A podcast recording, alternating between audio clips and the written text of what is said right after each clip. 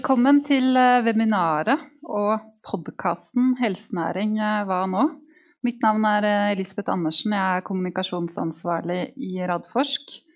Og jeg har podkasten Radium sammen med denne mannen, Jonas Einarsson. Du er administrerende direktør i Radforsk. Og initiativtaker til Oslo Cancer Cluster, og ikke minst Oslo Cancer Cluster Innovasjonspark, her vi står i dag. Alt bra? Ja da, alt er, alt er bra. Dette har vært en, et veldig spesielt år. da med koronapandemien som eh, kom inn. Eh, og vi var engstelige i mars for hvordan det skulle slå ut for selskapene våre, ikke, ikke minst. Og alle kliniske studier ble jo stoppet sånn umiddelbart. Eh, heldigvis gikk det veldig fort over. Så bare kort, noen få dager etter påske så var vi i gang igjen og inkluderte. Så etter det har det vært veldig spennende tid. Det har vært stor interesse for sektoren vår. Vi lanserte jo nå den avtalen til Vaxibody for 14 dager siden som var den største biotekavtalen gjort i Norge noen gang. Og som viser at vi kan plassere oss på kartet, og vi begynner å bli lagt merke til også sektoren på Oslo Børs, som nå plutselig er en verdi på ca. 45 milliarder norske kroner. Mm. Og det må nevnes at disse selskapene og den porteføljen som Radforsk har, det er jo da biotekbedrifter som er spunnet ut av kreftforskning. De fleste av de fra Institutt for kreftforskning, som ligger eh, rett ved siden av her. Institutt for kreftforskning og Universitetet i Oslo. Ja. Mm. Um, du er opptatt av å bygge økosystemer. Det nevnte Oslo Cancer Cluster, Oslo Cancer Cluster uh, innovasjonspark. Um, og du er også veldig opptatt av å bygge en sterk norsk helsenæring, altså bidra mm. til det. Uh, og det er det som er temaet i dag, men helsenæring er et veldig stort felt. Så derfor har vi snevret oss inn. Vi har snevret oss inn til kliniske studier, persontilpasset medisin og privat-offentlig samarbeid. Um, og takk til samarbeidsgruppen i eh, LMI, legemiddelindustrien og Jansen og Novartis. fordi da vi begynte å planlegge dette webinaret for et halvt år siden, så kunne ikke vi vite at dette var områder som nettopp ble utnevnt i statsbudsjettet til å få bevilgninger. Så det, det var jo ekstra gøy. Statsbudsjettet kom forrige uke med en samla tildeling på 75 millioner kroner til nettopp disse områdene. Men disse områdene er også flaskehalser, så det er hyggelig med denne tildelingen. Men, og Jonas, hva betyr det at regjeringa nå satser? Jeg tenker at det betyr at vi har fått det ut av helsenæringsmeldingen som vi hadde håpet på. Vi sa jo i det, sin tid at når den, når den, kom, at dette var eh, en god beskrivelse av nå-situasjonen innenfor eh, vår sektor. Og at den pekte på hvilke flaskehalser og hvilke utfordringsområder vi hadde. Eh, og det er jo ikke uten grunn at vi valgte disse feltene, fordi det er virkelig der hvor vi kan sette inn støtet. Og det at man nå, også regjeringen, har identifisert de samme områdene, betyr at vi nå tenker likt, og det er, det er positivt. Men det betyr jo også at nå må det skje. Eh, vi har jo snakket om dette i ti år, om alle de, disse områdene, og hatt problemer med å få gehør. Så det positive er at nå er vi enige om hva som er fokusområdene. Men jeg skulle ønske at man hadde en enda bredere og tydeligere satsing. Men det er jo det vi skal diskutere i dag. Det er det vi skal diskutere i dag.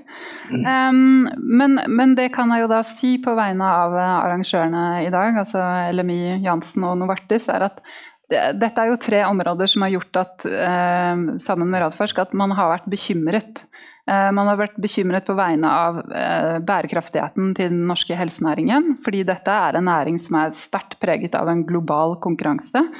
Og det gjør at man også blir bekymret for de norske pasientene som ikke nødvendigvis får tilgang til den beste behandlingen som finnes, eller kliniske studier hvor man tester ut behandling i utprøving. Um, sånn at det, et felles hovedbudskap i dag er jo nettopp det at eh, go, uh, har man en bærekraftig helsenæring, så har man også en god pasientbehandling. Mm, mm. Også det som du sier med at det er viktig å satse nå. Um, for fem år siden så åpnet du Oslo Cancer Cluster innovasjonspark sammen med selveste, må vi si, statsminister Erna Solberg. Du kan jo sitere hva hun sa da, da hun sto der sammen med deg og klippa snora. Ja, det var et veldig hyggelig signal at hun ville, ville, være her og være med på åpningen. Og hun sa, og jeg har fått sitat av deg, helseindustrien er en næring med dobbel gevinst. Fremskrittene som gjøres bidrar til velferd og helse, samtidig som det skaper verdier og arbeidsplasser. Og Det er jo det aller viktigste, er hele essensen i det, det, vi, det, vi, gjør. At vi jobber for pasientene og, og, får en bedre kreftbehandling. Men at vi også skaper verdier for samfunnet. For investorer som kan investere igjen. Eh, og ikke minst for å bedre hele infrastrukturen rundt det vi prøver å bygge opp. Norge er jo et land i omstilling. Vi trenger flere bein å stå på. Det er jo den verdiskapningsbiten i det. Da skjer det mye spennende på grønn vekst, men helse kan jo definitivt være en om ikke, om ikke grønn, så Nei, men en, en veldig viktig og, og, og, dette siste halve året her har jo også vist oss viktigheten av at vi er langt fremme innen forskning innen helse. Eh, og må også huske på at Vi snakker om onkologi, vi snakker om kreftbehandling nå, men den moderne kreftbehandlingen er jo et behandling av immunsystemet vårt. Og Det er jo relativt aktuelt i disse dager å ha gode vaksiner og, og skjønne immunsystemet, hvordan vi kan hjelpe det til å ta knekken på alt fra covid-19 til kreftceller. Mm. Eh, litt senere i programmet i dag så skal vi høre om de grepene man gjør i Sverige og Danmark for å bli enda bedre enn det de er på helsenæring. De er jo allerede langt framme. De har en lang historie. Eh, Novo Nordisk i Danmark, AstraZeneca i Sverige. Eh, man kan tørre å påstå at de er et større land med større befolkning, men, men, det er jo et eller annet med det at når det er globalt, så må vi i hvert fall kunne klare å konkurrere også. Konkurrere og samarbeide er vel kanskje stikkordet for, for Norden og Skandinavia. Eh, men aller først eh, kliniske studier. Eh, og det er en, flere grunner til at vi skal se på det. Man kan si på mange måter at kliniske studier er navet i helsenæringen. Alle medisinske produkter, alle legemidler må gjennom kliniske studier før de kan godkjennes. Og kliniske studier i et land går ofte hånd i hånd med investeringer i FoU fra internasjonal legemiddelindustri. Så er det aktualitet. Helse- og omsorgsdepartementet skal legge fram sin handlingsplan for kliniske studier før jul. Eh, og over statsbudsjettet har det nå kommet én eh, bevilgning til nettopp kliniske studier. Så er det sånn at antall kliniske studier i Norge har gått ned de siste ti årene. Eh, nedgangen i fjor bare på Oslo universitetssykehus på industrifinansierte kliniske studier var hele 30 og hvis man da nok en gang sammenligner seg med land i Norden, Sverige, Danmark, Finland, så vi, altså ligger vi på jumboplass, og det har vi gjort i antall kliniske studier de siste ti årene. Da er det veldig hyggelig å ønske velkommen til første panel for å diskutere dette. Nils Olav Restdal, seniorrådgiver i Helse- og omsorgsdepartementet. Velkommen. Takk, takk. Åslaug Helland, du har så mange ting. Du er kliniker, du er kreftoverlege, du er lungekreftspesialist, du er professor, og så er du forskningsleder ved Kreftklinikken ved Oslo universitetssykehus. Velkommen. Takk. Og så er det Barbara Suter, External Affairs Director i Jansen. Velkommen. Takk, takk. Og Lars Petter Strand, medisinsk sjef i Novartis. Mange takk begynne med deg, eh, Nils Olav, eh, fordi du er kanskje den mest aktuelle her. Eh, dere legger frem, altså Departementet legger fram denne handlingsplanen på kliniske studier før jul. Og så kom denne bevilgningen nå over statsbudsjettet. Kan ikke du si litt om hva vi kan forvente, både handlingsplanen og så gå litt konkret inn på det dere bevilget nå i statsbudsjettet? Ja, det kan jeg gjøre. For det første så er det jo viktig å understreke at det er ikke det er ikke vi som bevilger disse pengene, det er det Stortinget som gjør. Så dette er det forslaget som, til statsbudsjett som nå er lagt fram, er jo uh, vi er veldig godt fornøyd med, men det er jo til slutt Stortinget som, som vedtar det budsjettet. Um, og så er det jo i, i uh, Ja, hva, vi kan vente, hva dere kan vente av handlingsplanen. Vi um, har jo jobba med den handlingsplanen et års tid nå. Vi har snakka med veldig mange uh, og lytta til innspill. og, og skriver nå handlingsplanen med, basert på det. Uh, og så har vi jo da målsetninger om både å snu denne trenden som du snakka om, få flere kliniske studier til Norge. Både industrifinansierte studier, men også tjenestens egne studier. Og da i en, i en bredde, altså både, uh, både, legemidler, men også medisinsk utstyr og andre typer intervensjoner. Um, og så er det jo eh, så det vi ser på, vi ser på Etter å ha lytta til aktørene her ute, så ser vi jo på grep som knytter seg til å bygge kultur, kapasitet og kompetanse. Kan man egentlig kanskje oppsummere det til. Og, og, og, og altså, som det ble nevnt her òg, altså dette med, med, samarbeid. At vi må, vi må, legge til rette for samarbeid internt i, i, mellom norske sykehus. og ikke minst og eh, i, i Norden, og, og, på tvers av privat sektor og offentlig sektor, og mellom, mellom eh, de statlige aktørene og den kommunale helse- og omsorgstjenesten. Eh, som jo i større grad får og avansert behandling, og, og, der man nå har teknologi som gjør at man kan flytte behandling fra sykehus og hjem til pasientene gjennom velferdsteknologi og sånne ting. Så det må vi òg ha kliniske studier på, og vi må bruke de mulighetene som ligger i den teknologien til å kjøre desentraliserte studier osv. Så, videre. så det er litt av de tinga vi, eh, vi, jobber med. Eh, når det gjelder disse konkrete eh, forslagene på, på, statsbudsjettet, så er jo det det første er jo dette med å etablere det som vi kaller for Nord-Trials, som skal være en slags en, en, en samarbeidsplattform mellom privat sektor og, og, offentlig sektor for å gi en slags én inngang for kliniske studier i norsk spesialisthelsetjeneste. Uh, og de pengene som er foreslått til det fra, fra, vår side, de skal da gå til å etablere noen, uh, noen senter, senterordninger på områder som, som defineres med, i samarbeid mellom tjenesten og industrien.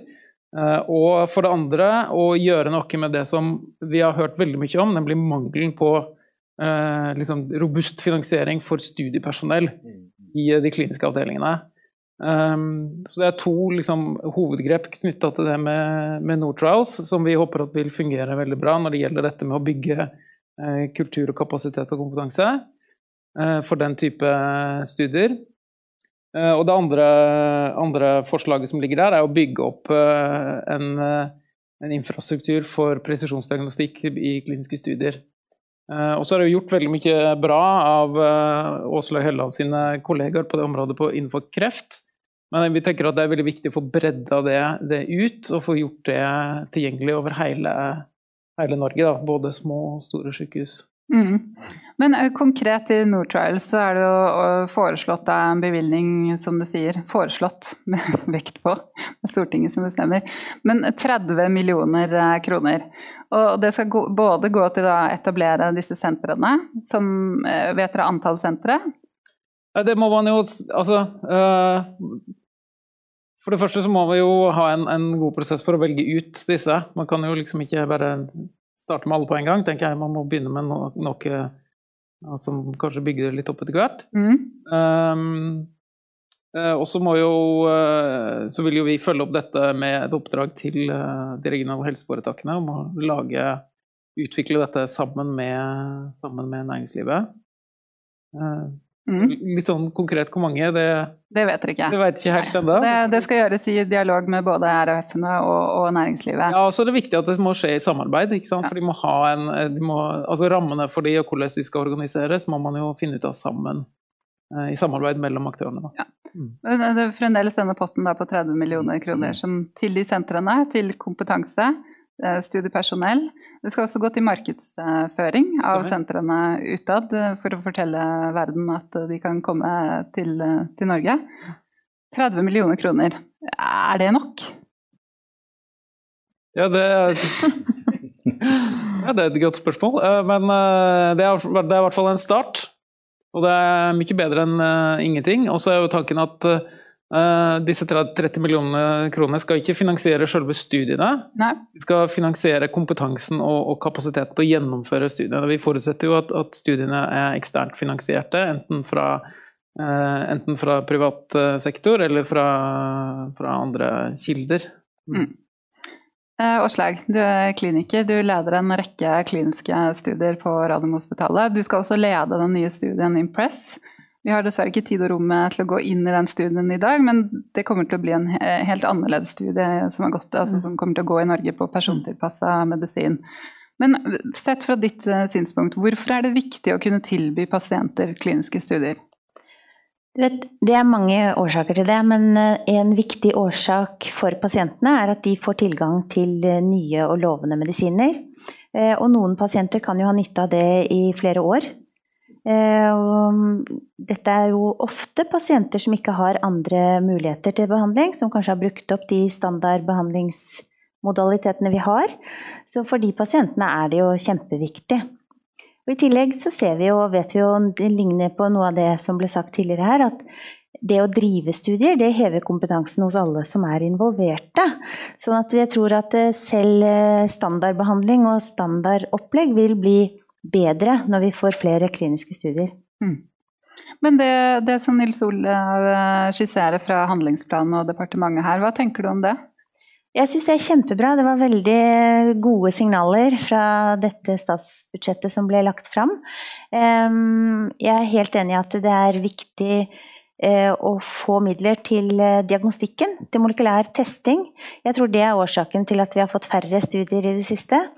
Eh, hvis ikke vi kan teste for de genfeilene som er behandlingsmålet, så, så kan vi ikke være med. Eh, så jeg tror det er helt essensielt, og det koster masse penger. Det er et løft for det offentlige norske helsevesenet, og det skjer nå. Det er kjempegøy. Ja. Mm. Så jeg tror det, det er veldig bra. Og så tror jeg at det er riktig at kompetansen er veldig forskjellig. I denne Impress Norway så, så er, inviterer vi alle sykehusene i Norge til å være med. Foreløpig er det 13 sykehus som har meldt seg på. Eh, vi vil ha et nasjonalt molekylært tumorboard, som vi kaller det på godt norsk. Eh, der eh, kasus og mutasjoner, behandlinger, vil bli diskutert. Og vi tror at det òg vil være et viktig ledd å heve kompetansen på tvers i Norge. Mm. Så, så, det er viktig. Mm. Mm. Men er det noe som uh, Nils Olav ikke har nevnt, eller som, uh, som, ikke har kommet nå, eller som du tenker at dette her burde, burde jeg hatt, eller dette trenger Norge for å øke antall studier og for å være konkurransedyktige? Altså Noe av det som er litt vanskelig å si at det, det må vi bare få på plass, det går på kultur.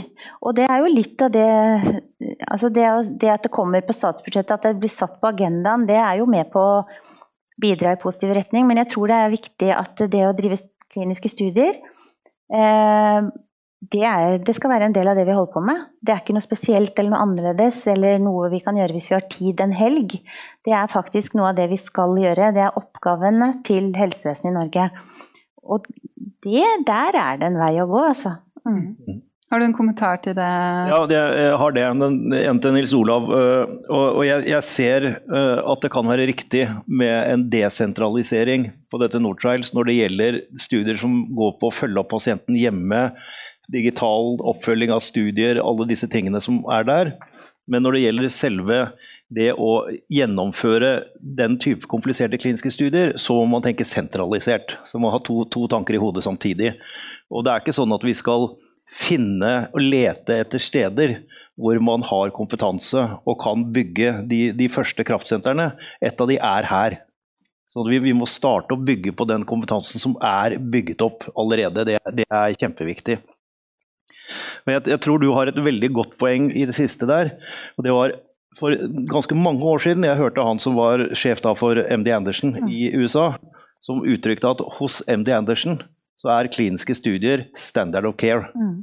Og, og, det var helt infiltrert i sykehuset at det var ikke én pasient mm. hvor de ikke skulle se etter kliniske studier. Mm. Og Det er den kulturen vi må få inn. Og så må det være høyverdig å drive med kliniske mm. studier, ikke noe man gjør som du sier, på fritida. Mm. For det kan uh, både du og Steinar Omdal tidligere og flere mm. fortelle at det var sånn det var. Så det, det er den kulturbygginga som jeg er kjempeviktig. Har du en kommentar til det, Nils Olav? Nei, jeg tror, det, jeg tror, det, er helt riktig. Jeg er veldig enig på at vi må bygge videre på det som er bra.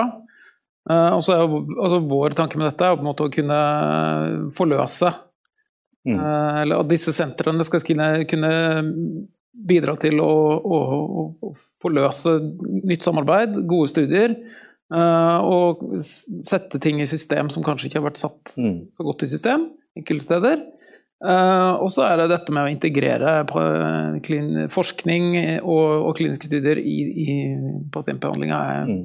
veldig enig i. Det er en superviktig uh, mm. Ja, superviktig ting.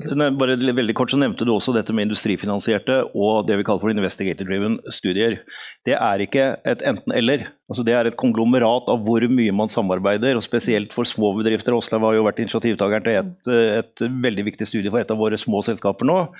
Hvor det er drevet av henne, og det er hun som eier dataene, men selskapet får tilgang til det og kan bruke det i sin videre utvikling. Så det, det, det er da det samarbeidet blir sett. Barbara.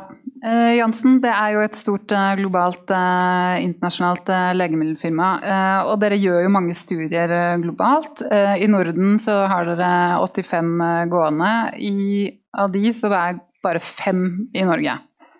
de grepene som er skissert av Nils Olav, som altså, kommer fra departementet i handlingsplanen, er det grep som du tenker vil gjøre en forskjell for om dere legger flere studier til Norge framover? Jeg tenker at det er veldig mange gode grep der. Eh, spennende signaler å se framover. Og så er det jo sånn at som du nevnte så er Jansen et stort globalt selskap. Og i Norge så konkurrerer vi jo med andre land for å legge studier til Norge. Så en ting som jeg har lyst til å snakke om, det er dette med innkjøpspolitikk. Eh, hvordan det ser ut når vi skal ta i bruk nye legemidler i Norge. Og der ser vi at det tar for lang tid, eh, og det er vanskelig å få tilgang. En av de konsekvensene det kan ha, det er at eh, legemidler som kanskje er godkjent og tatt i bruk og er standardbehandling i andre land, det er ikke standardbehandling i Norge. Og Hvis man da ønsker at det skal være komparatorarmen i en studie, så blir det en utfordring. Sånn at det å få tatt i bruk legemidler tidligere, det er veldig, veldig viktig så kan en av de grunnene til at det ikke er tatt i bruk, kan være dette her med at det er kanskje større usikkerhet i dataene i dag, fordi man har mindre pasientpopulasjoner, kortere oppfølging. Vi går jo mer og mer mot persontilpassa medisin. Vi er, der allerede, som du sier. Eh, og for å kunne adressere dette, så er det viktig at vi har gode innkjøpsordninger hvor vi tar i bruk data som understøtter at vi kan gjøre evalueringer av, av, innkjøpsordningene senere, men også at pasientene får tilgang tidligere. Så Det er en av de tingene som er viktig å, å få på plass eh, i dette spillet. Mm. Og, og, og, Jansen utvikler jo legemidler bl.a. mot uh, myelomatose, altså kreft i beinmargen. Og der har man jo i Norge altså det fremste senteret i Norden, Oslo myelomatosesenteret, som er drevet av Fredrik Skjesvold. Um, og holdt på å si nesten på tross av det, så legger dere ikke flere studier til Norge?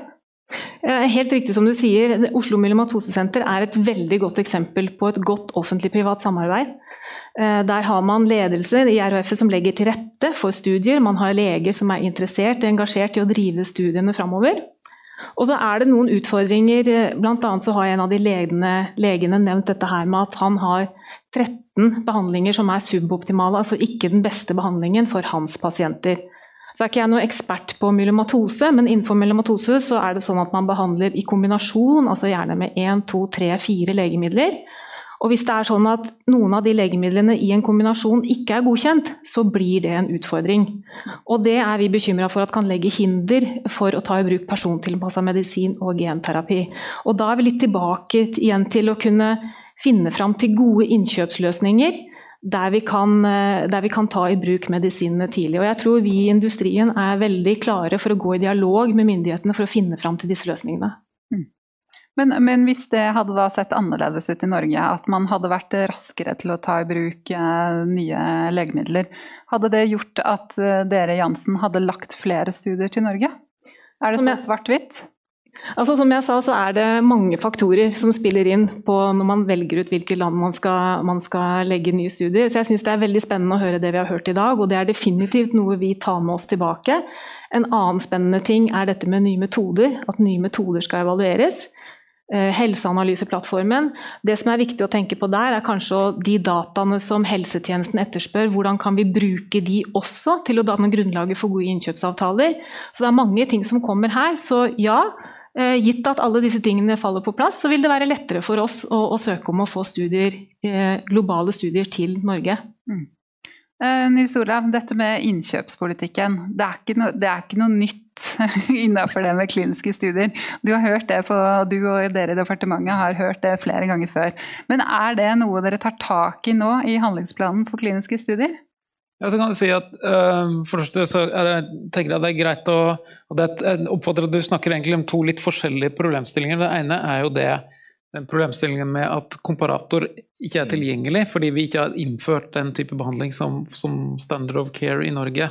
Uh, og det er nødt. Det er jeg helt, uh, helt med på. Og det er òg en, en, nødt i det offentliges egne studier. F.eks. hvis man skal Uh, sammen, uh, altså, sammenligne et biotilsvarende legemiddel mm. med et, det som er et, for mm. et dyrt MS-legemiddel, eller noe sånt, så kommer jo akkurat den samme problemstillingen opp i, i, i det offentlige initierte studier. Så det er, det er noe vi, vi, vi, må se på, rett og slett.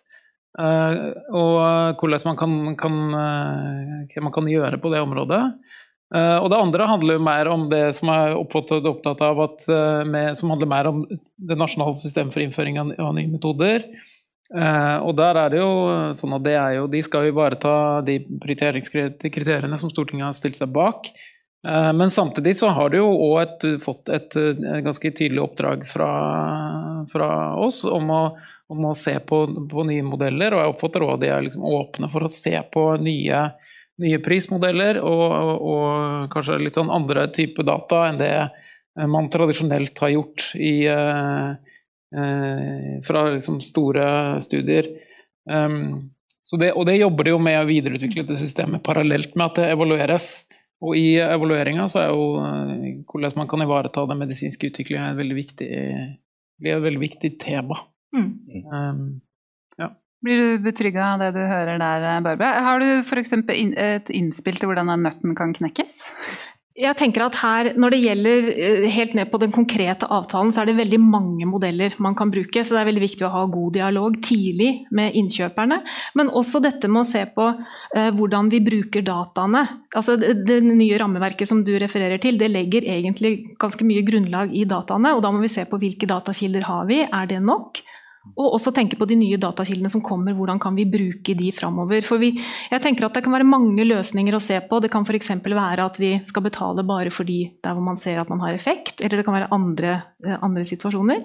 Så jeg syns det er spennende signaler, og, og, vi i industrien vi er klare til å gå i dialog, og vi ønsker å komme videre med dette. Mm. Vi må ha med oss deg også, Lars Petter, fordi Novartis er det internasjonale legemiddelfirma som har flest studier i Norge. Dere har 53 pågående studier. Og så har jeg prøvd å finne data på eh, antall studier i Norge. Um, det har, det har brukt ganske mye tid på. Fordi selve den offisielle statistikken på industrifinansierte studier, det er kun de studiene som blir søkt inn til SLV, altså Statens legemiddelverk, hvert eneste år. Eh, men så har vi da heldigvis fått eh, helsenorge.no, og de har jo fått eh, beskjed av Bent Høie om å, å ut til klinikerne om at alle skal melde inn studier der. Så når jeg kikka der i går kveld, så hadde man da totalt 437 studier registrert på helsenorge.no. Men de skiller da ikke mellom akademiske studier eller industrifinansierte studier. Men i hvert fall, dere er det firmaet med flest studier i Norge. Hvordan har dere lykkes så godt med studier i Norge? Ja, Det er vel ikke ett svar på det heller. Det er jo, eh, det er jo en prosess som har pågått i, i, mange år. og Vi er jo også et av de største legemiddelfirmaene i, i verden. Sånn at, og vi har jo en rik pipeline som også gjør at det genereres masse studier, selvfølgelig. Men, men eh, det er jo sånn sett litt unikt at vi har fått så, så mange hit. Eh, vi jobber jo veldig systematisk for å få de hit. Og for å få de hit, så må vi ha en god vare å selge. fordi den interne konkurransen som du også var inne på, den er jo knallhard. Mm. Det står jo senter i kø i Europa, i store land og store marked, for å ikke legge skjul på det, som Tyskland og Frankrike osv., som også vil ha studiene. Sånn at, eh, at vi får de hit, det er jo noe vi jobber eh, mye med. Og måten vi gjør det på, er jo, for, det er jo gjennom dialog med helsepersonell, sånn som Åslaug Helland og hennes kolleger. Forstå hva, slags, forstå hva slags ambisjoner de har, hva slags preferanser de har for studier. Hva slags ekspertise som mm, spesielt dere besitter versus andre senter. Og får en veldig god, eh, godt bilde av det. Vi får et godt bilde av pasientflyt osv. Og, så og kan på den måten prøve å velge ut eller prioritere de studiene som vi mener passer best inn i Norge. Så Det er jo eh, måten vi jobber på sånn rent konkret. Og så har vi også en, en veldig god eh, organisasjon internt som, som, jobber i Novartis, som er ute og monitorerer studier, som gjør at også de har ett sted å forholde seg til på sykehusene, sånn at det også skaper en god relasjon. Eh, det betyr ikke at eh, CRO-ene ikke skaper gode relasjoner, men jeg tror det er en fordel.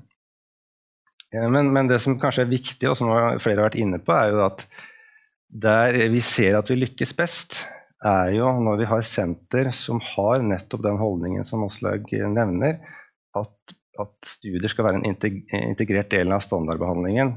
Eh, og myelomatosesenteret, eh, hvor de på en måte har vært ute og sagt at studier er en del av vår behandling. Mm. Og vi kan jobbe med de, og de er også villige til å være proaktive og samarbeidsorienterte også inn mot våre globale senter.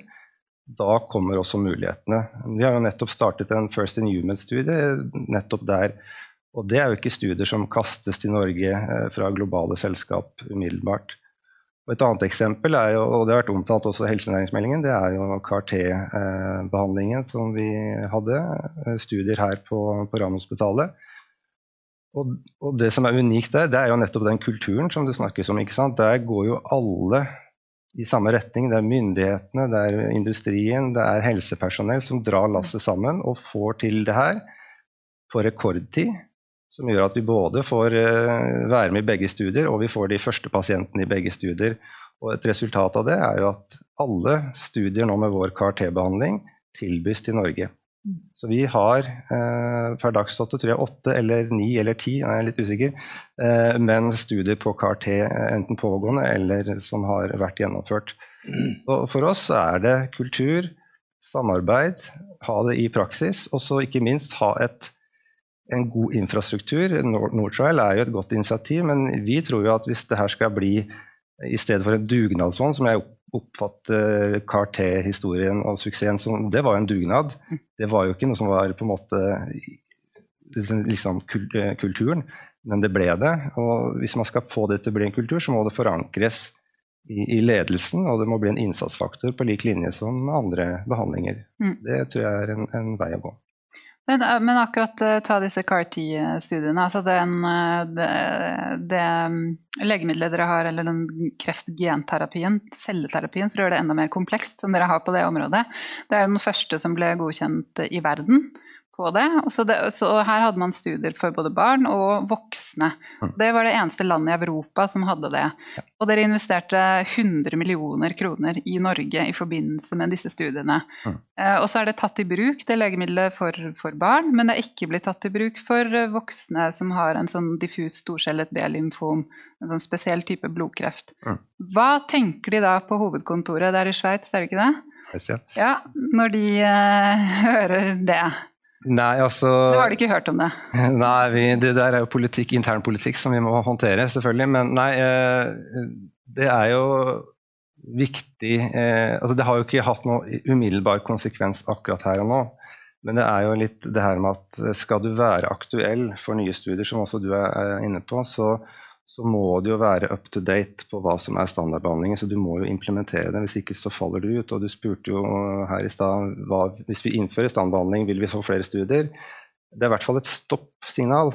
At hvis vi ikke har det, så, så er det ute. Det, det har, hadde jeg senest forrige uke, så måtte vi jo si nei før vi starta eh, en, en, feasibility, for at vi ser at vi er diskvalifisert. Og det samme har jo gått på gene, genpanelene. ikke sant? At vi ser at her står det standardbehandling må innebære, eller standarddiagnose må innebære genpanelanalyser. Og når det ikke er det, så er du på en måte stoppa på startstreken.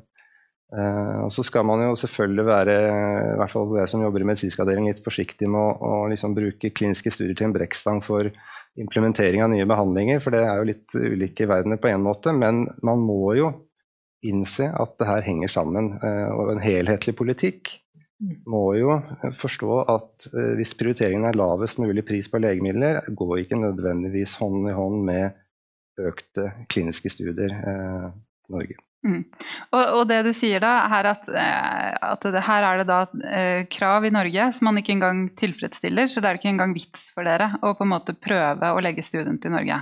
Nei, vi, vi har hatt en, en, håndfull studier bare i år hvor vi på en måte er nødt til å si nei takk før før, eh, før, vi rekker å på en måte være med i konkurransen. Så, mm. så det er jo et, en utfordring. Men med, med bevilgningene som kommer, og, og, og, Impress og de tingene her som er med og driver det, så er vi jo optimister. Og, og absolutt tro på en løsning, men, men, det er en realitet at sånn er det akkurat nå. Mm. Um, vi må begynne å gå inn for landing, men veldig sånn kort Ja, Barbara, har du en kommentar? Nei, jeg har bare en kort kommentar til det Lars Petter sier her. for jeg tenker at Det som også er viktig å tenke på eh, når man snakker om pris på legemidler og, det å ta i bruk uh, ny medisin, så vil jo det å kunne ta i bruk nye prisavtaler ikke nødvendigvis medføre mer bruk av penger, men kanskje mer riktig bruk av penger. Jeg tror det er litt viktig å ha med seg mm. Men, men, sånn Hvis vi ser på liksom realiteten i dette. Vi har hatt ti år nå med nedganger i antall kliniske studier. Det har ikke bare skjedd i Norge, men det har skjedd i andre land også. Um, klarer vi å snu dette her i Norge og gjøre oss uh, attraktive? Kjapt ja eller nei-spørsmål. Jonas, begynner med deg. Ja, absolutt. Hvis vi, hvis vi, gjør det nå, og som vi har snakket om så lenge. Uh, og det som er positivt nå Jeg skrev en kronikk i Aftenposten for et eller, et eller to år siden. så var den overskriften 'Kom opp fra skyttergravene og begynne å snakke sammen'. Uh, og det har dere jo gjort. Og, og både fra industriens side og fra myndighetens side. Og Da er det å finne nye modeller, for vi har helt ny type kreftlegemidler. En helt annen type behandlinger. Vi må ha en ny modell, og den må dere snakke opp sammen om. I og med at du ikke klarte å svare ja eller nei, men tok begrunnelsen samtidig, så kan dere andre også ta begrunnelsen samtidig. ja, nei, jeg må jo si at jeg tror det. Jeg tror at uh, Jeg tror dette skal vi klare. Det tror jeg absolutt. Ja, jeg òg tror det. Jeg er optimist. Og jeg ser godt de problemene som er eh, snakka om her. Og jeg mener, uh, for å få godkjent et nytt legemiddel i Norge, så tar det nesten to år, mot 67 dager i Danmark. Det er klart alle skjønner at det tar for lang tid. Mm. Uh, men det skal jo nå evalueres, så vi får håpe det kommer noe ut av det òg. Jeg tenker at det er veldig mange gode positive signaler, og så må vi fortsette å holde dialog og jobbe videre framover mot de samme målene, for det har vi jo.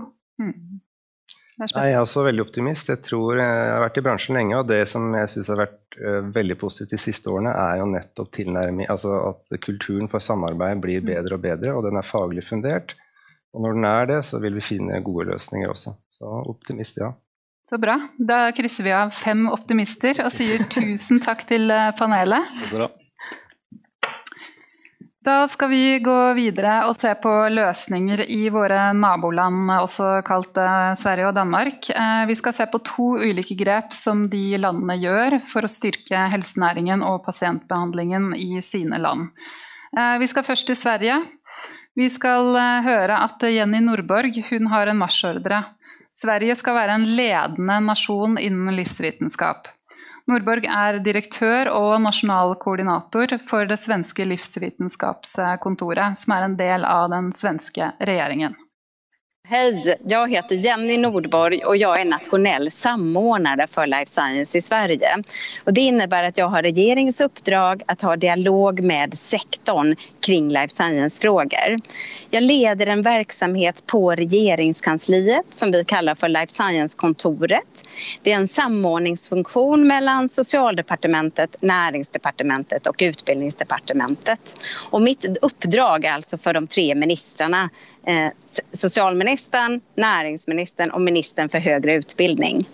Alltså fördelen med att ha den här organiseringen inne på regeringskansliet är ju att det är när vi pratar life science så arbetar vi med mycket komplexa frågor. De ägs ju gemensamt av de här tre ministrarna så vi behöver jobba tillsammans på nya sätt. Vi kan alltså jobba tvärs departementen inne på regeringskansliet. Både när det gäller lagar och regelverk, när det gäller nya uppdrag och när det gäller de insatser som behöver göras framåt.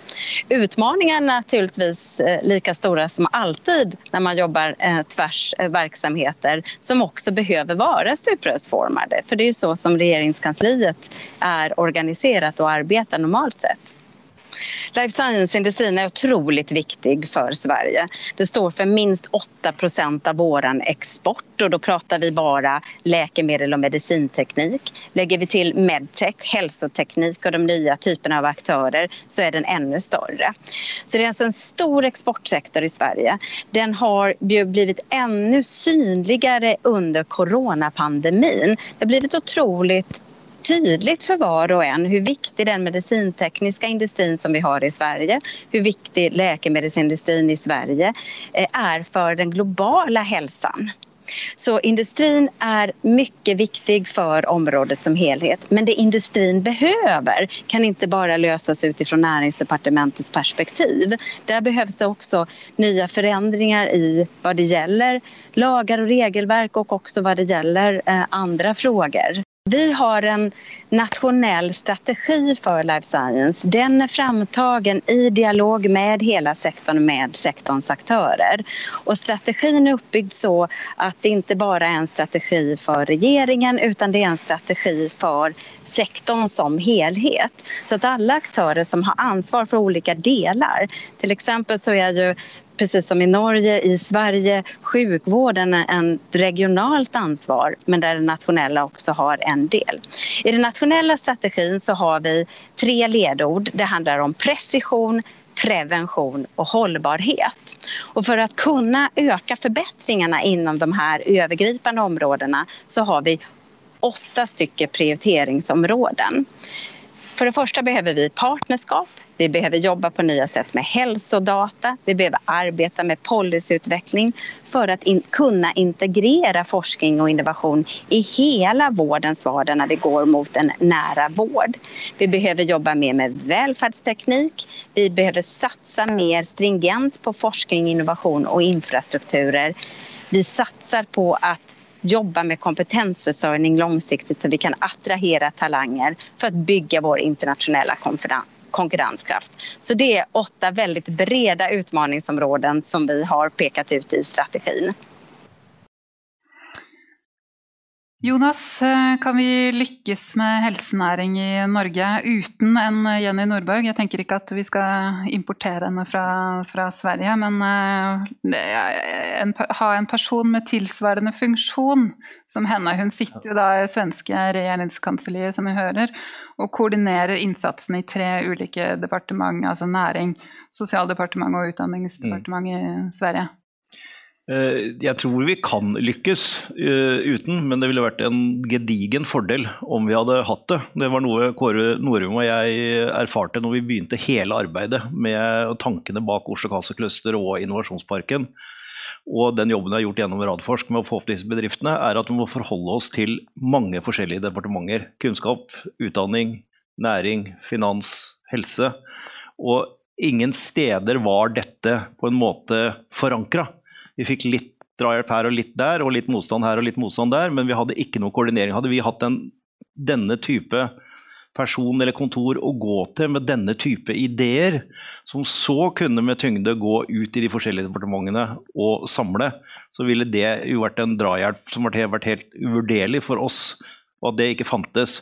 Og vi foreslo den gangen etter svenske modellen, hvor det var Lars Wiksell på Karolinska som den gangen var koordinator og rådgiver for regjeringen innen livsvitenskap, at dette er noe vi trenger. Så dette har jeg utfordret regjeringen på mange ganger tidligere. Dette er et veldig godt eksempel på hvor viktig det er. Mm.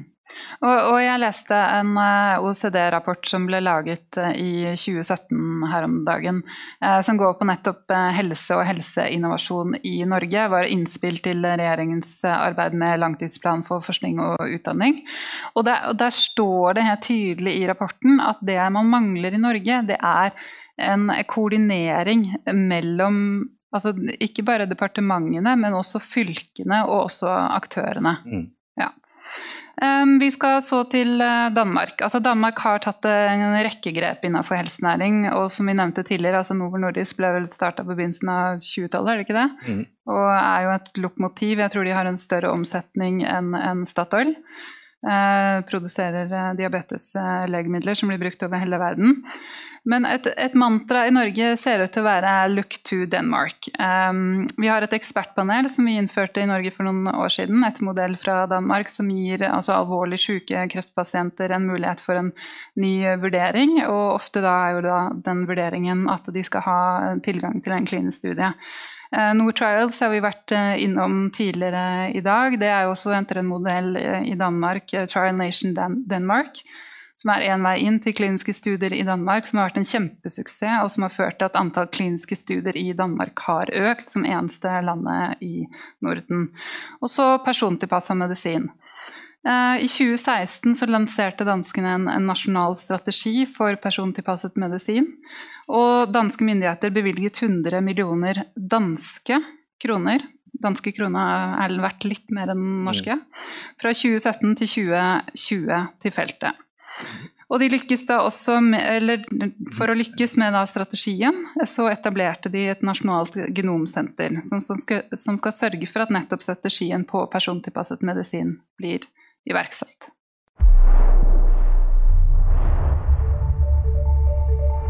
Hvorfor er et nasjonalt genomcenter vigtigt? Fremtidens behandling er skræddersyet til den enkelte patient. Det kaldes personlig medicin. I National Genomcenter arbejder vi for at understøtte, at læger og forskere ved hjælp af viden om patienters gener og sygdommens årsager kan udvikle skræddersyet behandling. Med viden om patienters gener kan vi bedre forstå sygdommen, og vi får mulighed for at behandle mere præcist og effektivt. Det hele startede for cirka fem år siden, og jeg kom jo ind i standardbehandling med de forskellige slags kemo, og det sidst fik jeg så den besked, at nu var det ikke mere, de kunne gøre for mig. Jeg skulle bare til hjem for at dø. Det var simpelthen fordi, den der genmutation virker kemoen ikke på. De kunne dog give mig det tilbud, at jeg kunne komme med i, i et forsøg på Rigshospital, og der fik jeg undersøgt uh, generne, og uh, så fik vi den der fantastiske meddelelse, at jeg havde en genmutation, hvor man havde noget medicin imod. Og efter fire dage, der holdt jeg op med at hoste. Jamen, havde jeg ikke fået den der medicin, så er jeg ikke sikker på, at jeg havde oplevet det næste jul. National Genomcenter baner vejen for, at det danske sundhedsvæsen bruger viden om gener mere og bedre end i dag. Centret skal sikre en fælles infrastruktur til udvikling af personlig medicin til patienter, uanset hvor i Danmark patienten bor og bliver behandlet. Så hver patient får den bedst mulige behandling i National Genomcenter, der kan vi blive bedre til at forstå samspillet med, hvordan arv og miljø gør, vi bliver syge. Og på den måde forstår vi sygdom i et meget dybere og bredere perspektiv. Og det kan vi så bruge til at lave bedre behandlinger til den enkelte, og på den måde bevæge os væk fra sådan et koncept med one size fits all, når vi behandler medicinsk og det kommer til at gælde for mange store sygdomsgrupper. Det gælder patienter med hjertesygdomme, patienter med kræftsygdomme, patienter med gigtsygdomme. I det hele taget rigtig mange af de sygdomme, som folk lider af og dør af i dag. Et nationalt genomcenter vil betyde rigtig meget for behandling af kræftpatienter. Hvis vi finder det specifikke genændring, der er styrende for kræften og rammer den effektivt med lægemiddel, så kan det både få kræften til at svinde ind og i nogle tilfælde til at forsvinde. Og det er jo det, vi normalt sætter lige med helbredelse. Processen med at omsætte blod til data om generne kræver både højt specialiserede medarbejdere og en supercomputer. Derfor er National Genomcenters helt store projekt en supercomputer, der kan rumme og analysere alt den data, som bliver indsamlet fra patienterne på tværs af landet. Og der er brug for meget stor computerkraft. Data om alle generne hos bare én patient fylder 100-200 gigabyte. Hvis det bliver udskrevet, vil det svare til en papirstak på højde med rundetårn. Supercomputeren designes, så patienternes data bliver opbevaret og brugt med den højeste grad af sikkerhed.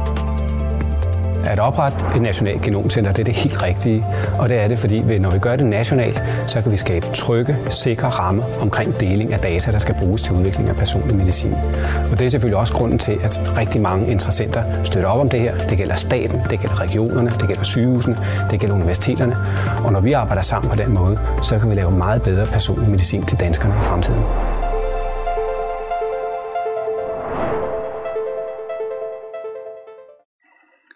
Jonas, eh, over statsbudsjettet nå så er det satt av 25 eh, millioner kroner for å få på plass genetisk presisjonsdiagnostikk i sykehusene i Norge. 30 millioner til et nasjonalt eh, genomsenter. Og 5 millioner kroner til det nasjonale kompetansenettverket for persontilpasset medisin. Er det nok, og går det fort nok? Nei. Kan du begrunne? Det var ikke et ja eller nei-spørsmål. nei, det, det, er det ikke. Altså, vi, vi, skal ikke starte noe. Vi skal ikke utrede noe. Vi skal fullføre noe som vi vet er de flaskehalsene som skal og må løses for å få fortgang på dette. Og det trengs en stor satsing. Eh, dette kan være noe som virkelig kan påvirke dødstallene av kreft i fremtiden. Det er 10 000 ca. i Norge som dør hvert år av kreft. Og med den helseutfordringen, og vi ser hva myndighetene er villige til å satse når det kommer en ny og ukjent fare som covid-19, så er det meg veldig vanskelig å forstå at man ikke ser at nå kan vi gjøre det. Det har vært gjort i andre land. Vi har fått høre her at vi sier nei til kliniske studier. For, fordi vi ikke har de orden på disse tre satsingsområdene. Og det hadde egentlig bare vært å gitt den samme marsjordren som de har gjort i både Sverige og Danmark, at dette skal løses nå. Hvor mye koster det? Og så få svaret tilbake og si at det bevilger vi. Mm. Så Det er helt riktige prioriteringer, men det er altfor knuslete. Ja. Ser du for deg null til, eller enda en null? Har en nuller til. Har en nuller til, mm. ok. Da drar vi med oss det videre i paneldebatten Hva nå helsenæring? Eh, det er veldig hyggelig å invitere opp vårt eh, fagpolitiske panel, bestående av Anne Grete Erlandsen, statssekretær i Helse- og omsorgsdepartementet og representant for Høyre. Tuva Moflag, stortingspolitiker for Arbeiderpartiet og medlem av helse- og omsorgskomiteen på Stortinget. Og Steinar Thoresen, leder for eh, onkologisatsingen i legemiddelfirmaet Merk i Norden og Baltikum og eh, du sitter vel også i FoU-utvalget til LMI, du har vært forskningssjef i Kreftregisteret osv. osv. Velkommen eh, alle sammen. Takk. Um, hva tenker dere om det bildet som har blitt eh, tegna her i dag, om at eh, ja, det kommer satsinger nå over statsbudsjettet, men det er kanskje litt lite, det kommer litt seint. Vi har holdt på lenge med å bygge en eh, helsenæring, og man er helt avhengig av at det offentlige tar en del grep nettopp for å bygge en bærekraftig helsenæring. Jeg begynner med deg, Anne Grete.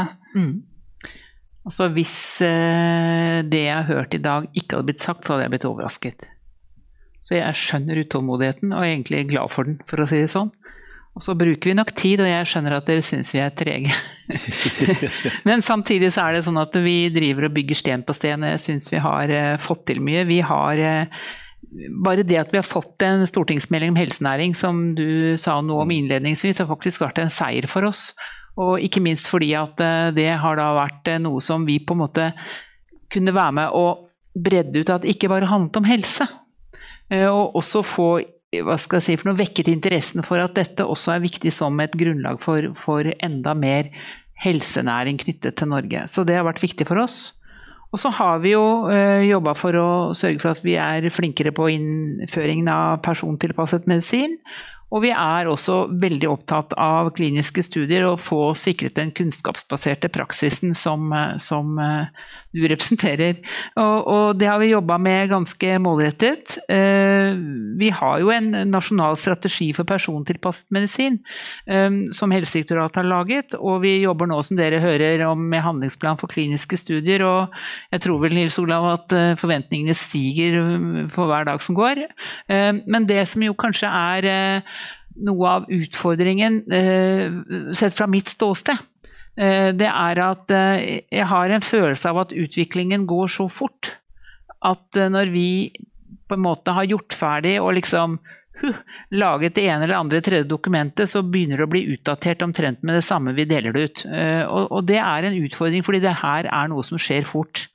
Så jeg tror at vi er nødt til å, selv om vi nå da både får ros og skjenn for at vi har bevilget penger og for lite, og for, men og for sent og alt det der, eh, så, så, er det på en måte noe med at eh, det bygger vi på toppen av det vi allerede har gjort. Vi har eh, vi har tiltak i sykehusene, vi jobber gjennom Norsk forskningsråd, vi gjør mange ting.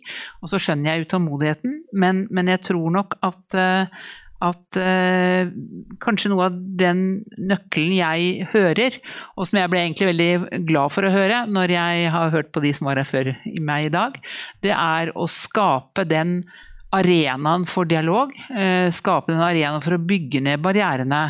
Uh, og jeg har håper å si, levd hele mitt liv i helsetjenesten og husker at uh, folk fra firmaer var bare folk med smørbrød. Uh, skjønner, skjønner, noen hva jeg mener? Det er sånn nøkkelgreie. Høye smørbrød var det også.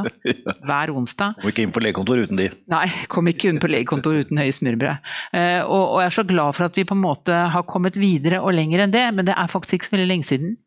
Uh, og det å klare å, å, utvikle oss slik at vi ikke har den angsten for at her er det noen som skal lure oss, eh, for den tror jeg faktisk har ligget ganske dypt forankra egentlig si, i genene til mange helse, helsefolk, og kanskje også ledere. At vi er nødt til å løse opp det for å skape den transparensen vi trenger for å komme videre. Og det er vel det andre nøkkelordet jeg har i mitt hode, det er den transparensen. Dialog og transparens, fordi at hvis vi vet hvem vi har med å gjøre, så klarer vi å komme lenger. Og, og her vi står nå, er jo et godt eksempel. Jeg syns det var deilig å gå inn gjennom videregående skole-inngangen. gangen. Takk skal du ha. Tuva? Ja, eh, jeg har lyst til å gå litt tilbake til der hvor Anne Grete starta med den helsenæringsmeldinga. Det er vel mange som vil, eh, vil påberope seg seieren der, knytta til å få en helsenæringsmelding inn i, i Stortinget. Som, og den ble jo ikke behandla i helsekomiteen, den ble behandla i næringskomiteen, men vi, vi fulgte den jo, vi også. Og det som kanskje skuffa meg litt i den uh, meldinga, hvis jeg kan starte der, det var at uh, jeg hadde håpa at vi skulle få et enda større fokus på uh, på det vi skal leve av. Jeg syns det blei litt for mye fokus på kommersialisering av velferdstjenester i den debatten som, som oppsto rundt eh, helsenæringsmeldinga. At hvem skal drifte sykehjemmet, liksom er det offentlige eller private? Så det må jeg innrømme at det, det skuffa meg litt. Jeg hadde sett for meg mer at den meldinga skulle handle mer om det neste norske industrieventyret, og at den ikke leverte helt på det. Så det, det må jeg si. Ellers så ser jeg jo det Erlandsen snakker om, at vi legger stein på stein, at det er ting som kommer. Eh, en handlingsplan for kliniske studier og og eh, persontilpassa medisin, bevilgninger som kom på statsbudsjettet nå til Nortrial osv. osv. Eh, men det er vel en opplevelse av at ting kanskje fortsatt er litt seigt og litt treigt. Jeg har, pleier å bruke et eksempel med en norsk aktør som jeg har truffet noen ganger, som har utvikla et sånt diagnoseverktøy for demens. Uh, og de har liksom kommet inn i Italia og Japan, men sliter med å komme inn i Norge. Så det er jo noe som gjenstår her, og det er jo liksom det som kunne være den derre Altså den neste store greia som vi kan få til å, å, leve av. Og der tenker jeg at vi fortsatt har en del ting som vi må ta tak i, rett og slett, hvis vi snakker om helsenæring i litt stort, da, og ikke bare kliniske studier. Og så var det jo da i den invitasjonen vi fikk her, så var det litt sånn hva med kliniske studier etter korona? Korona. Eh, og nå var det kanskje ikke så mye fokus på korona, akkurat den var litt sein men eh, etter at jeg kom. Men det jeg tenker, er jo at er det noe vi får en bevissthet på nå, så er det jo hva forskning og utvikling betyr for at vi skal lykkes med å løse en helsekrise som vi står i. Fordi det er jo bare forskning og utvikling som er løsninga på koronakrisa. Og det tenker jeg jo er et et, eh, en sånn brekkstang da, som vi kan bruke til å få til det dere etterspør, nemlig det at forskning, kliniske studier, at det faktisk er en del av den normale driften, og at ikke det er noe vi holder på med på sida. Så sånn sett så er det jo noe man kan være litt optimistisk for, da, midt oppi det vi står i med én meters uh, avstand. Takk skal du ha, Tuva. Steinar? Ja, eh, jeg er også enig i at det er det er bra med satsing, så, så, det er en glede å se at det er forslag til midler. Men det er litt sånn som Jonas sa, at uh, man har hamra på den døra nå i ti år. Uh, og så kom det. Så jeg, jeg, tror jo det er et ganske tydelig politisk signal også gjennom stortingsmeldingene at det skal satses. Og det er en stor endring. Uh, for dere som husker tilbake, så i 2006 så samarbeidet jeg på Kreftregisteret med et amerikansk legemiddelfirma om en HPV-vaksine. Og vi fikk dem til å spytte ganske mange titalls millioner inn. I dag er vaksinen godkjent i Norge for gutter og jenter. Jeg kom på forsida i VG og første oppslag i Dagsrevyen for å være korrupt. Eh, så, så, det betyr jo at tidene har forandra seg betraktelig. Det er ikke så lenge siden. Da. Så, um, så jeg syns det er bra med den satsingen som kommer, men spørsmålet er om det er for seint og for lite. Og, det er klart vi kan være enige om at det er for lite, men, men det er en start. da. Uh, og for så så vet vi at legemiddelfirmaene som er her, f.eks. når det gjelder satsing på forskningsutvikling, så ligger det i milliardklassen, og, da, og også da tosifra milliardklassen. Så det er det man har ute, og, som, og, hvordan firmaene satser, og da blir jo dette småpenger. Men, og det andre poenget er nok eh, at den, eh, dette vi driver med, er for så vidt en global konkurranse. det er ikke, det er ikke mellom eh, Bergen eller eh, Oslo, og det er ikke noe desentralisering. Dette er en global konkurranse som er beinhard, og vi konkurrerer i firmaene hver dag med Kina, med Brasil osv. Så, videre. så Så det er den konkurransen vi må være eh, forberedt på. Det er ikke OL som går hvert fjerde år, dette går hele tida. Mm.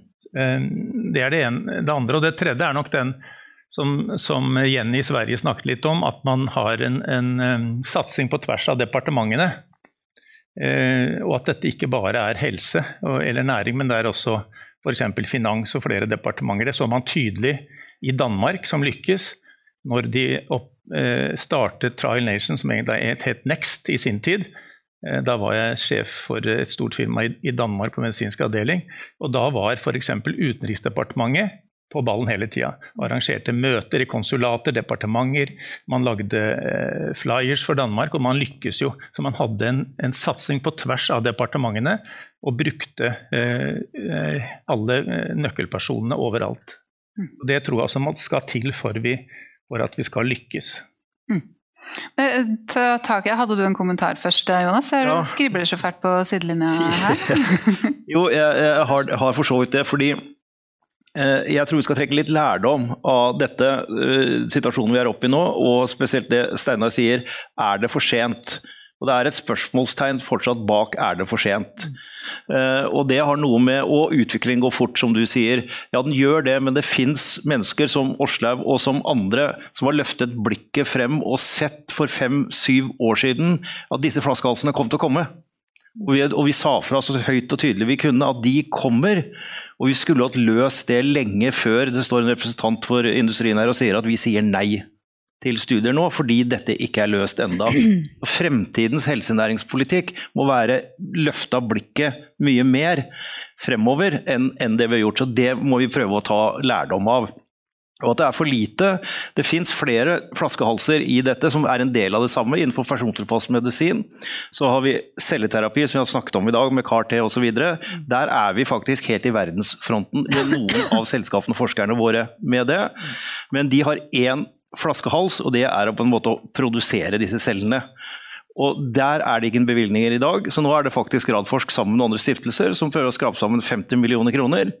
Og Det er et minimumsbeløp for å få starta prosjektet med å få den type produksjon i Norge. Så Det sier liksom litt om hvilke beløp vi snakker om, og hvor fort vi må handle, for det må skje nå. Det, det, med at, uh, som, Jonas sier her, at her, altså industrien, norske klinikere, altså eksperter ser hva som kommer. Uh, en stor forskjell, syns jeg, i, forhold til hva jeg hører, er at i Danmark er man veldig lydhøre i forhold til eksperter. I Norge ikke fullt så mye. Det er litt sånn debatt som går inn i nye metoder.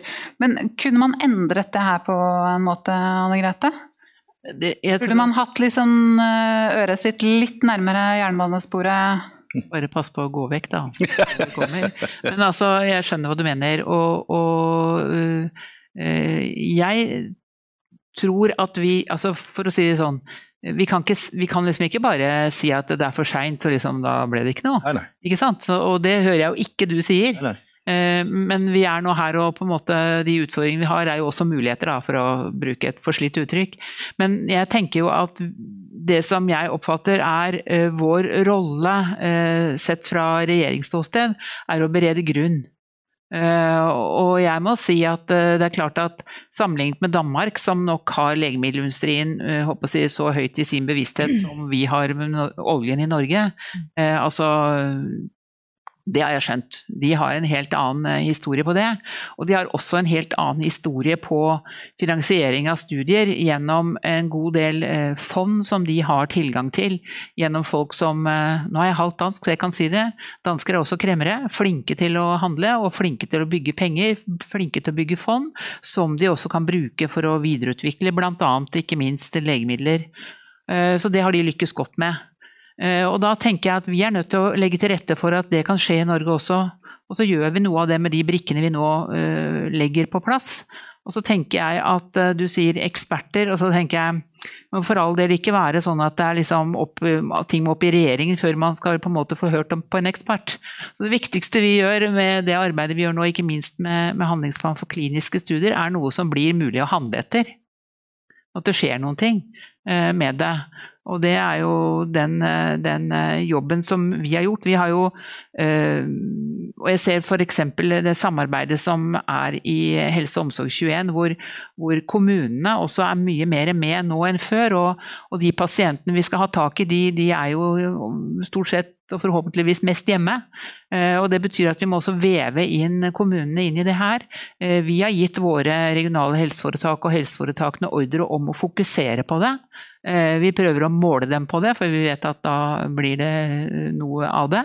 Men det er utrolig mange brikker å skru på her. Så må vi passe på at vi kommer til å skru på de riktige brikkene.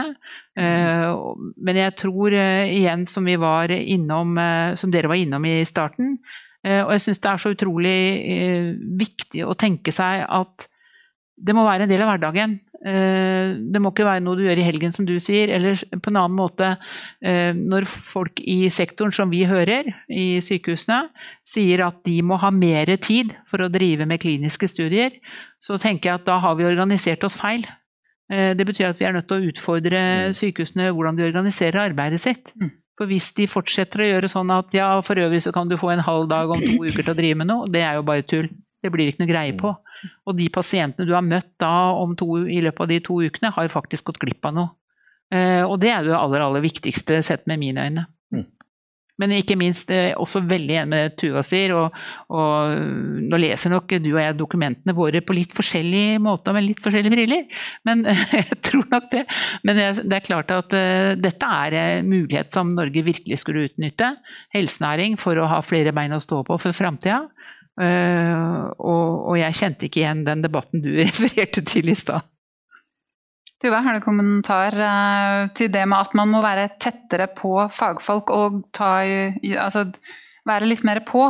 Mm.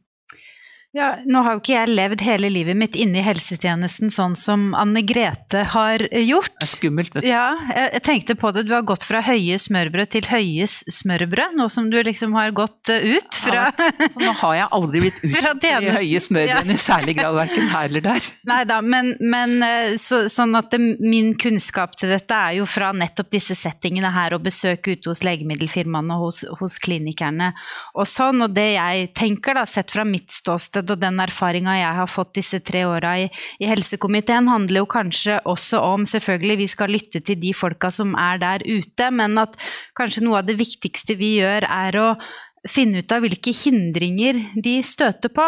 Det kan være i lovverket, det kan være i måten sykehuset er organisert på, det kan være finansiering. Og alle de tinga tenker jeg at vi må ta med oss inn og prøve å skru på litt kjapt. At kanskje en del av prosessene våre er veldig sånn tunge. Uh, F.eks. da bioteknologiloven som er brukt som eksempel, som vi nå hadde en, i hvert fall den større endringa. Det har jo vært småting som har skjedd, men den største endringa på, på 20 år, så var jo det også for å gjøre nettopp muligheter for forskning og kliniske studier enklere, fordi at man har flere lag med byråkrati og godkjenning og en del sånne ting. Så jeg tenker at det er en del ting vi kan gjøre som ikke nødvendigvis koster penger. Og det er også greit å ha med seg at det ikke alltid handler om at ja, skulle det vært 150 millioner istedenfor 75 der. Vi må også gjøre en jobb i å lytte til ekspertene og de som har skoa på.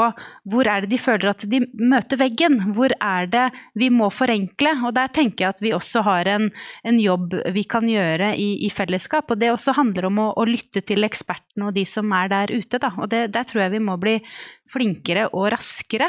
At ting, ting, tar for lang tid. Eh, det er jo en av de tinga som vi vil etterspørre inn i denne evalueringa av Beslutningsforum. Hvorfor kommer medisin raskere på markedet i Danmark enn i Norge? Da er det jo liksom noen sånne ting vi må finne ut av. Hvor er det det butter imot? Eh, og alle de tinga tenker jeg at vi har et stort potensial for å ta tak i og lytte.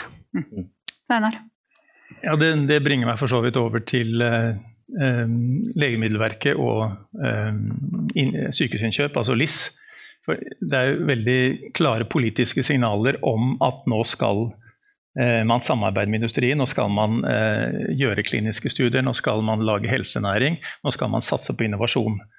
Og det, det, budskapet er krystallklart fra alle partier, og, og, det er også klart for legene. Og legene er, og sykehusene er jo klare. Men det er, det er noen store blokker inni der, da, noen store monsterbedrifter som, som jeg tror innovasjon ikke er på agendaen i noe særlig grad, og det gjelder jo Legemiddelverket og sykehusinnkjøp der. De kjører mye av de samme retningslinjene, de kjører de samme målene på kliniske studier som før. Og for meg så virker det som de ikke har oppfattet budskapet. Ehm, og Det kan man jo da se f.eks. når det gjelder godkjenning av legemidler, når det gjelder kreftlegemidler, som tar to år i Norge. Danmark tar det tre måneder. Mm. Eh, så, så, det er noen greier der. Og vi ser at legene som driver med multiple sklerose skriker opp og klager. Berettiget. Onkologene sier det samme, de blir ikke hørt. Så jeg tror at eh, departementet som eier av dette har en jobb å gjøre når det gjelder å styre underliggende etater inn på innovasjon og helsenæring. Der er en stor jobb å gjøre per i dag. Og det er klart det, det er en tungt skip å snu, mm. eh, for jeg er vant til å tenke lange, gamle tanker, men tiden er overmoden for å gjøre noe med det. Du må ta en kommentar til det, Anne Grete. Ja, nei, altså eh, Jeg skal innrømme det at eh, jeg har da i min rolle også kontakt med de temaene du snakker om, både med Statens legemiddelverk og med, med sykehusinnkjøp. Uh, og jeg uh, hører hva du sier, uh, og det er sånn som folk sier når de ikke riktig vet hvordan de skal svare på ting. og det er egentlig det som er svaret mitt nå, og jeg tenker at dette må jeg faktisk vite mer om. Eh, fordi at Det som jo er vesentlig for oss, det er at vi har et Statens legemiddelverk som faktisk gjør jobben sin på en skikkelig ordentlig måte, sånn at ikke vi ikke tusker med ting som folk ikke skulle ha hatt fordi det ikke er bra nok. Eh, og hvis det er sånn at kvaliteten på en måte egentlig blir eh, jobba så mye med at vi, vi, mister noe på den andre siden, så er vi jo ute og, og kjører. Men det kjenner jeg at jeg må bore mer i før jeg kan svare på. Det kan jo hende at noen har behov for å gi meg et krasjkurs, det skulle jeg ikke forundre meg. Steinar, kommer krasjkurset nå, eller var det, Nei, jeg, jeg, tror jo det. Jeg tror jo, man var inne på det her i stad også, at man, man, ser på andre betalingsløsninger og ser på andre løsninger for å få preparat på markedet fort, mm. som man gjør i en del andre land. Og det er klart Dere har ikke berørt dette ennå, men helsedata er jo for så vidt et svar på det. da. Ja. Spesielt innen kreft. Vi har verdens beste kreftregister, verdens beste gull, sies det. Men vi må vise at vi har det. Ja. Og, og, og, det er klart at det kunne føre til at man fikk en betinget godkjenning. Også at man fulgte opp via helsedata f.eks. Det, det er en midlertidig, eller en, en, løsning som man kunne tenkes f.eks. Slags som pay for performance. Mm. Jeg tror industrien er moden for en sånn type mm. dialog. Mm. Jonas, du ba om eh, ordet. Skal du få det, Anne Grete? Altså, dette er jo interessante ting, og jeg, og jeg må si at jeg syns dette her er eh, komplisert. Fordi at, eh, som du sier, det kan godt hende vi skal finne bedre og, og mer hva skal jeg si, for noe potente måter å betale eh, og, og kjøre innkjøp på. Eh, samtidig som at eh, når det gjelder særlig dette med helsedata, som du sier, det er sagt at det er Norges eh, nye olje. Mm. Eh, og, og, jeg syns jeg møter på, også sett med våre øyne, problemstillinger som vi faktisk må bruke tid for å løse. Fordi det er en del problemstillinger knyttet til hva er det vi kan godkjenne av, av genmodifiserte nye ting, altså alt det som kommer som følge av at du kan drive gensekventisering og holde på så spennende som det er. Eh, og det må jeg innrømme at det syns jeg er vanskelig, men det betyr ikke at vi ikke jobber med det. Det jobber vi med, og det er vi vi håper at vi skal klare å levere noe mer på det, fordi det er, det er nøkler til å komme videre. Jeg ser det. Jonas? Ja, nei, jeg tenker Begge de to du nevnte nå, både på innkjøpssiden og på Statens legemiddelverk, eh, så har de en eh, total mangel på innovativ vilje. Å se ting på nye måter. Eh, og Det er den store utfordringen vi møter. Og Når det gjelder å få kreftlegemidler på markedet, så må vi jo kunne være enige om at hvis det kommer en ny behandling for kreftpasienter som ikke har tilgang til annen type behandling fordi den er brukt opp, så ønsker vi at den skal komme på markedet så fort som mulig. Selvfølgelig til en riktig pris, eller en riktig prismodell, men vi må ha det felles ønsket om at vi skal ha det ut så fort som mulig. Og det ser ikke jeg i det systemet. Kliniske studier utvikler seg i en voldsom fart. FDA er kanskje et av de mest innovative på det området. og Hvis du har et produkt som potensielt kan virkelig hjelpe pasienter, så gir de deg prioritet, de gir deg tilgang. De sier 'kom og spør om hva du vil', Ingenting, ingen spørsmål er for dumme. Vi ønsker å hjelpe deg å få dette produktet på markedet. Så fra å være et kontrollorgan til å være et hjelpeorgan, mm. den uh, revolusjonen kunne du tatt som ny direktør i SV, Steinar?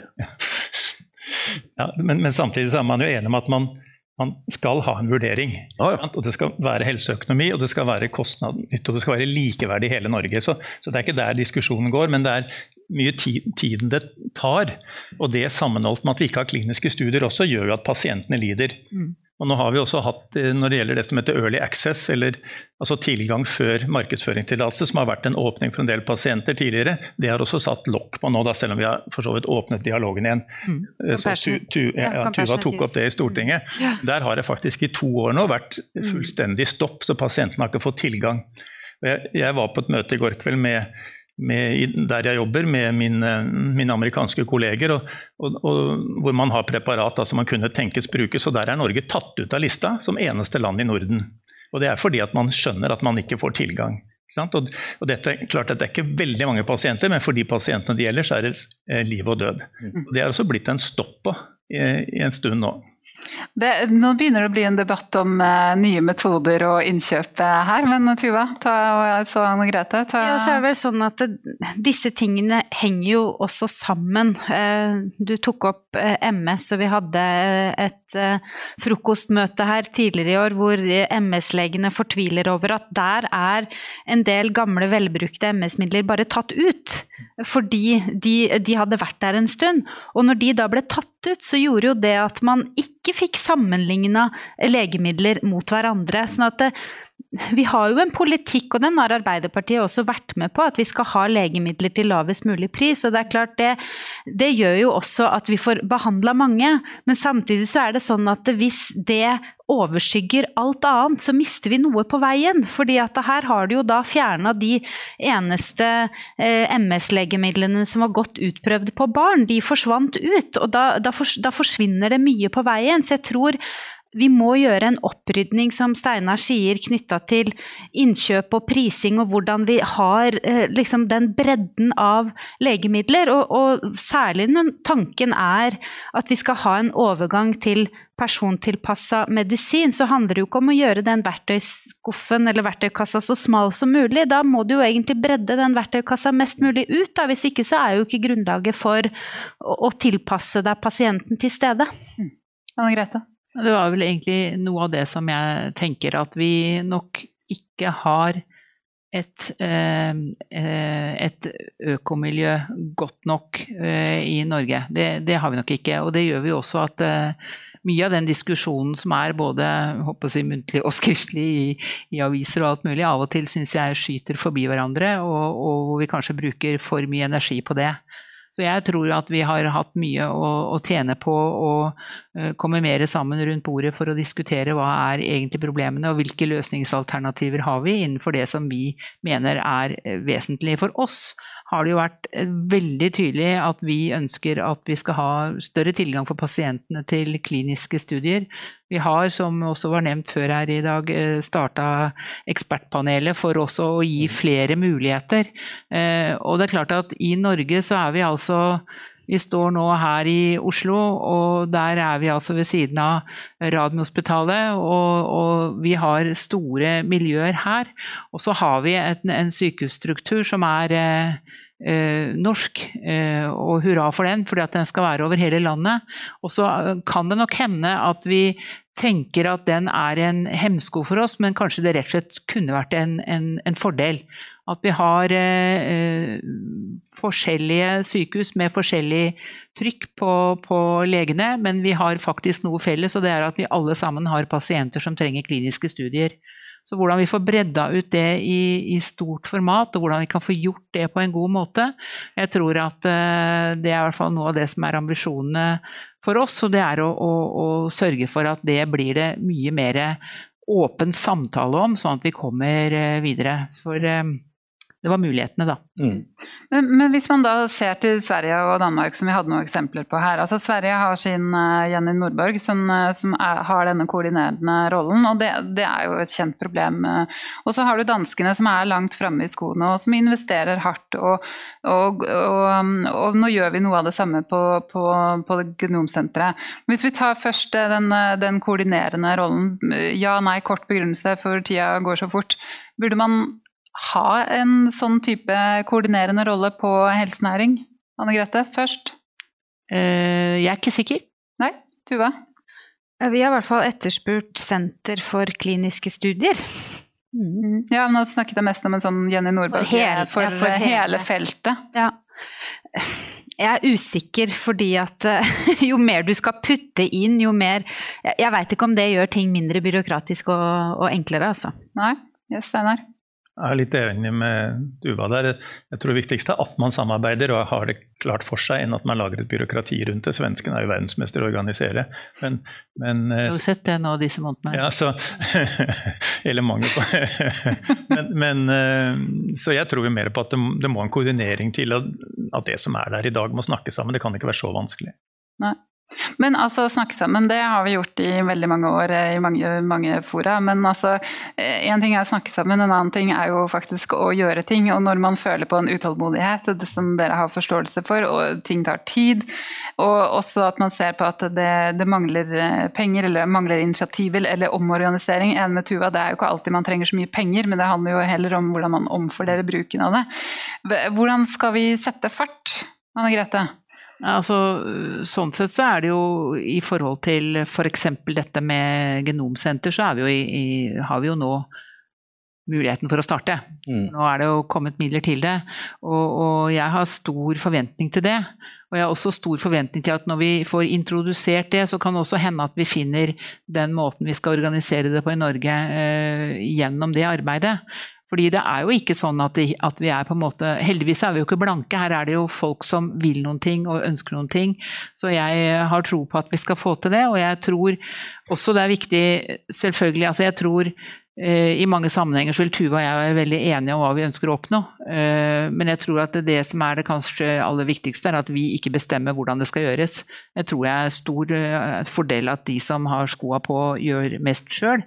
Men så må vi bare passe på at de ikke blir stående alene med det.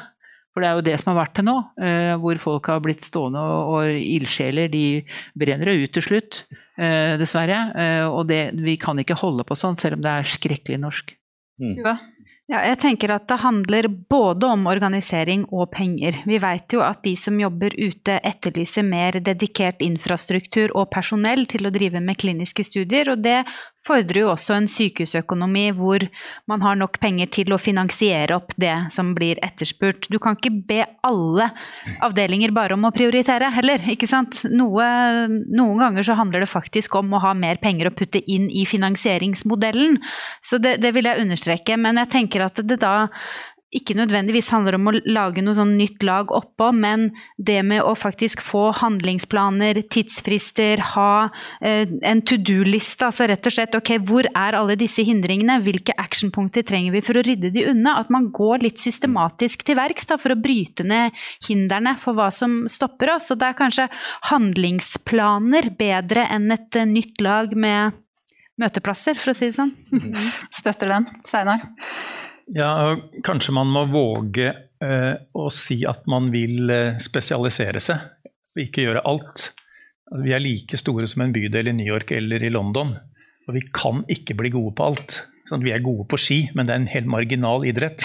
Kanskje vi skal bli gode på noe, og tørre å våge ikke bli gode på alt. Eh, vi har jo noen veldig gode miljøer.